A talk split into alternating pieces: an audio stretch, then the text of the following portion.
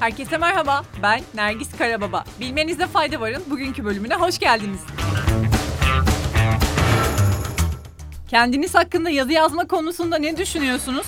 Belki siz sevmiyorsunuz ama yapay zeka kendisi hakkında akademik bir makale yazmayı başardı. Nasıl mı? Şöyle. OpenAI'ın GPT-3 metin üretme algoritması asgari düzeyde dış girdiğiyle kendisi hakkında akademik bir makale yazdı ve bu hakem onayına sunulan bir çalışmayla sonuçlandı. İsveçli araştırmacı Almira Tanstrom, Scientific American dergisinde metin üreticiye GPT-3 hakkında 500 kelimelik bir akademik tez yazması komutunu verdiğini ve yapay zeka algoritmasının 2 saat içinde uygun alıntılar ve yerinde kaynaklarla tamamlanmış bir makale yazmasıyla korkuyla karışık hayranlık duyduğunu söyledi.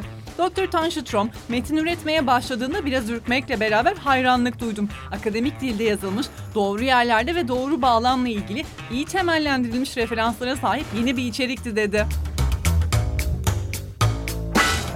Bitcoin 12 yılın en kötü aylık performansını gerçekleştirdi. Bildiğiniz üzere kripto para piyasalarındaki deprem hız kesmeden devam ediyor. Bitcoin Haziran'da yaklaşık %38 düşerek 12 yılın en kötü ayını geçirmiş oldu. Kasım 2021'de tüm zamanların en yüksek seviyesi olan 68.990 dolara ulaşan Bitcoin, böylelikle söz konusu tarihten bu yana %72 değer kaybetmiş oldu. Bitcoin bugün 19.000 doların, Ethereum'da 1000 doların hemen üzerinde işlem görürken Solana 32, AVAX 16 dolar civarında fiyatlanıyor.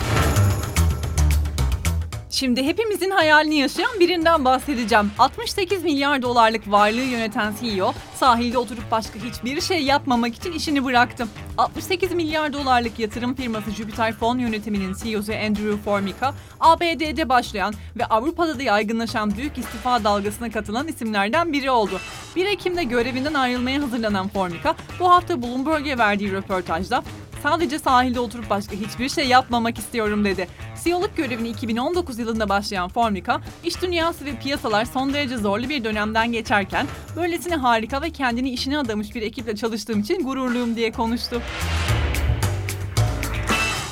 İstanbul'da ormanlara giriş yasağı geldi. Valilikten yapılan açıklamada içinde bulunduğumuz yaz mevsimiyle birlikte bölgemizin hava sıcaklıklarında görülen artışlar, ormanlık alanlarda yoğunlaşan insan ve araç hareketleriyle kasten ya da kusurlu davranışlar neticesinde orman yangınları meydana gelebileceği değerlendirilmektedir. Belirtilen nedenlerle ormanlık alanlara girişlerin 5 Temmuz 2022 ve 31 Temmuz 2022 tarihleri arasında yasaklanması kararı alınmıştır dendi.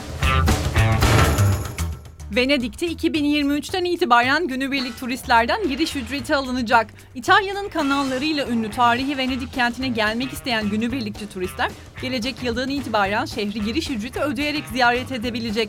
Venedik Belediye Meclisi aldığı kararla 16 Ocak 2023 itibariyle kenti günübirlik ziyaret edecek turistlerden şehirdeki yoğunluk durumuna göre 3 ila 10 avro arasında değişen giriş ücreti alınmasını kararlaştırdı. Ocak ayında yürürlüğe girecek uygulamada günübirlikçi turistler çok kanallı bir platform üzerinden giriş ücretini ödeyerek QR kodu alabilecek.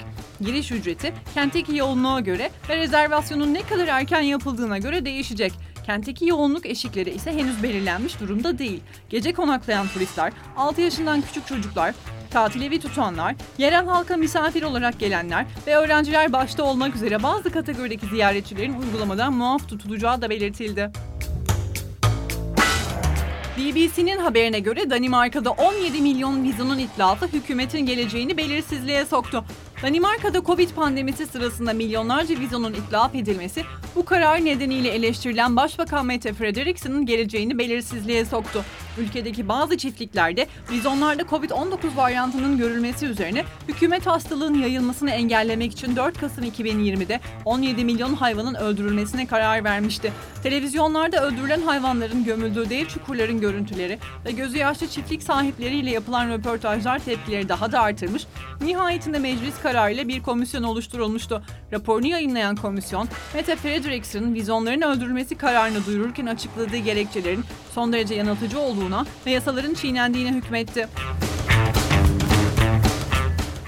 İtalyan Alplerinde buz kütlesinin çökmesi sonucu en az 6 kişi hayatını kaybetti. İtalyan ANSA ajansının haberine göre ülkenin kuzeydoğusundan geçen Alp dağlarının Marmolada olarak anılan mevkiinde büyük bir buz kütlesi çöktü. Bölgede başlatılan arama kurtarma çalışmalarına katılan ekiplerin ilk belirlemelerine göre söz konusu olay anında dağda bulunan bir grup dağcıdan 6'sı yaşamını yitirirken biri ağır olmak üzere 8 kişi yaralandı.